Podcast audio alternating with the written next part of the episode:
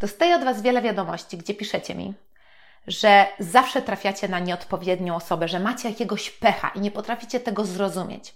Te historie są bardzo różne. U jednej osoby pojawia się na przykład schemat, że zawsze okazuje się, że ten facet albo ta kobieta to w ogóle ma inny związek. Żonę albo jakąś dziewczynę i że jesteście tą drugą. Sporo osób pisze mi również o takim schemacie, że wchodzicie w relację, która jest fantastyczna, no po prostu od razu klikło. Bajka, no rewelacyjnie, dwie połóweczki, nie no idealnie pasowaliście, no było romantycznie, fantastycznie, wszystko szło zgodnie z planem, a później z dnia na dzień ta osoba po prostu od Was odeszła, zmieniła zdanie. Są również takie schematy powtarzające się u niektórych osób, że na przykład spotykacie się z kimś, dużo inwestujecie w tą relację i mimo, że jesteście dla tej osoby tacy dobrzy, to ta osoba w momencie, kiedy spotyka kogoś innego, to na przykład wybiera tamtą osobę. O co w tym wszystkim chodzi?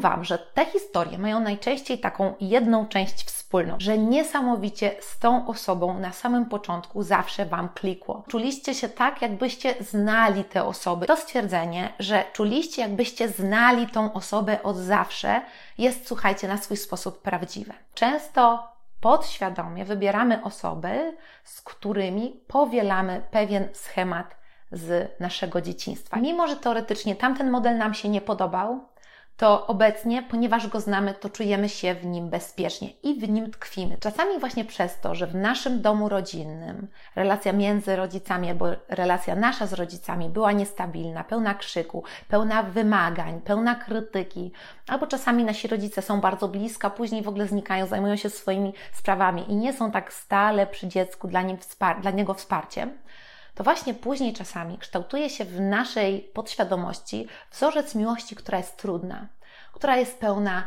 krzyków, scen, miłości, która jest ciężką pracą, miłości, na którą trzeba sobie zasłużyć. Czyli to nie jest tak, że ja z założenia jestem osobą wartościową, godną miłości, tylko ja muszę być jakiś konkretny, żeby, żeby ktoś był w stanie mnie pokochać. Te osoby kroczą przez życie właśnie mając taką świadomość, że, że muszą uważać, że nie mogą do końca być sobą, że muszą być jakieś konkretne, żeby były godne miłości. Te osoby bardzo często kroczą przez życie z takim nieco zaniżonym poczuciem własnej wartości. Czują się one bardzo samotne, jeżeli nie są w jakiejś relacji i za tą relacją gonią.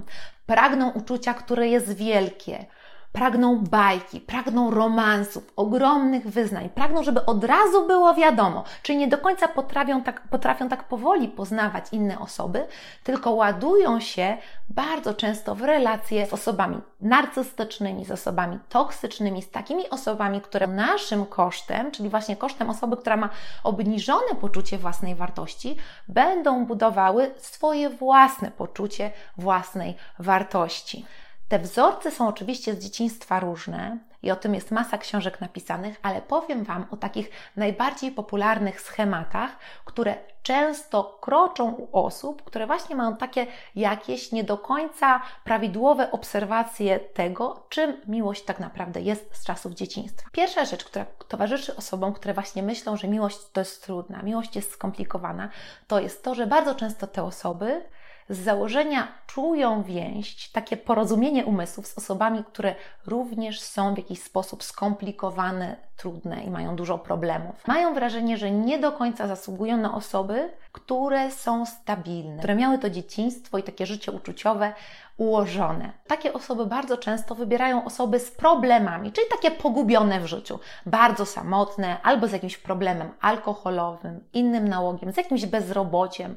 Osoby, które po prostu nie wiedzą, co chcą ze sobą w życiu zrobić. Te wybory padają tak naprawdę nie dlatego, że mamy takie dobre serce, tylko dlatego, że w nas tkwi takie przekonanie, że w momencie, kiedy ja będę dla tej osoby taki dobry, kiedy się nią zaopiekuję, kiedy w jakiś sposób pomogę jej poukładać jej życie, to mamy wrażenie, że ta osoba wówczas będzie nam wdzięczna i ponieważ będziemy jej potrzebni, to nas nie opuści. I my w takich relacjach czujemy się bezpiecznie, z taką osobą troszkę pogubioną, bo ona mnie potrzebuje, w związku z tym będziemy ze sobą. Jeżeli w naszym domu rodzinnym sytuacja była bardzo niestabilna, była masa kłótni, rodzice się kłócili, nie odzywali do siebie, albo było tak, że mieliśmy na przykład jako, jakąś patologiczną sytuację ojca alkoholika, który znikał, który potem był blisko, gdzie w domu była na przykład agresja, później ten rodzic nagle znowu stawał się spokojny, czyli ta, ta miłość taka bardzo niestabilna, to wówczas, mimo że nienawidziliśmy tego, i nie potrafiliśmy się w tym odnaleźć i marzyliśmy o tym, żeby było inaczej,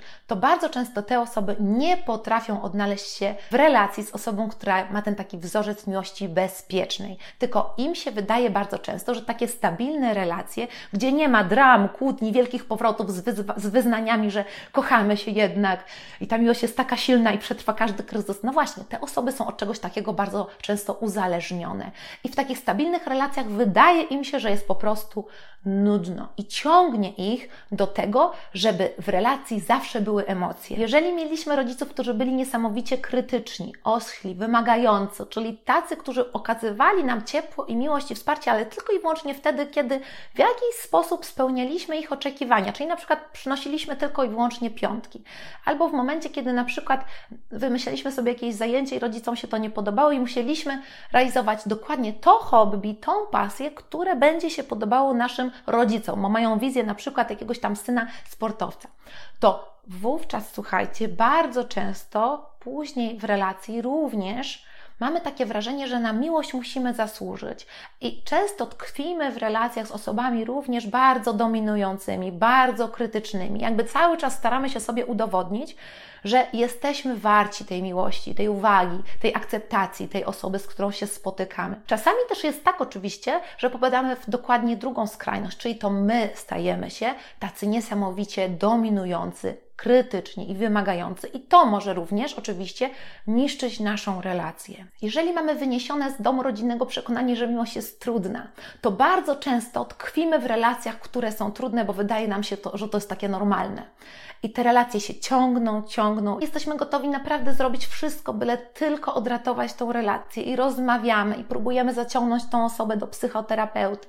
I po prostu od każdej strony staramy się wypracować jakiś kompromis. Ta osoba nas krzywdzi, my tkwimy w tej relacji doskonale wiemy, tyle razy sobie mówimy, że powinniśmy odejść, ale tkwimy, mamy cały czas nadzieję. I paradoksalnie osoba, która nas krzywdziła, którą to my powinniśmy byli zostawić, to ona zostawia nas. I to jest nasz schemat. Czyli za długo tkwimy w relacjach. Bo prawda w takich sytuacjach jest właśnie taka, że niekoniecznie to my jako para powinniśmy iść na terapię, tylko na przykład my powinniśmy iść na terapię, żeby w jakiś sposób nauczyć się stawiać granice i rezygnować z relacji, które są nieprzy, nieprzyszłościowe i żeby nauczyć się właśnie wybierać świadomie, nie chcieć tych osób, które nas krzywdzą. Relacja to jest zawsze rzecz dwustronna obydwoje mamy wzajemnie dla siebie być wsparciem, mamy dla siebie być do, dobrzy, mamy wzajemnie inwestować i dbać o tą relację. Osoby, które mają właśnie taki wzorzec bardzo trudnej miłości wyniesiony z domu, z domu niestety bardzo często również tak bardzo podświadomie właśnie boją się miłości,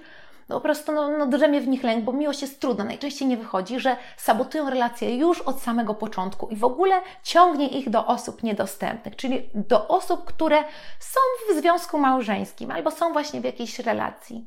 Do osób, które z założenia są na odległość. Tu wokół nas jest tylu adoratorów, i nie potrafimy się zaangażować, albo osoby, które mówią tak, szukają stabilnej relacji, jakoś ich to odstrasza, nie jakoś tak, taka osoba chyba ma za duże ciśnienie i brzydzimy w jakiś sposób podświadomie się tego, a ciągnie nas do osób, które z założenia są nie dla nas, bo mówią, że szukają tylko przygód, bo mówią, że są obecnie w związku małżeńskim, bo właśnie są na drugim końcu świata i my żyjemy relacją, jakąś taką bajkową w naszej wyobraźni, tym, co by mogło być, a nie żyjemy relacją, która jest tu i teraz. Jak nad tym wszystkim pracować? Punktem wyjścia jest zauważenie tego, że jesteśmy w tym schemacie i uwierzenie w to, że jesteśmy w stanie ten schemat zmienić. Oczywiście nie, nie byłabym sobą, gdybym Wam nie zapowiedziała, że tego typu filmik na kanale również się ukaże. Także zachęcam oczywiście, żeby subskrybować kanał, żeby y, wcisnąć dzwoneczek, dlatego że zawsze wówczas będziecie informowani o nowych filmach na kanale. Zachęcam do tego, żeby w komentarzach, słuchajcie, pisać właśnie,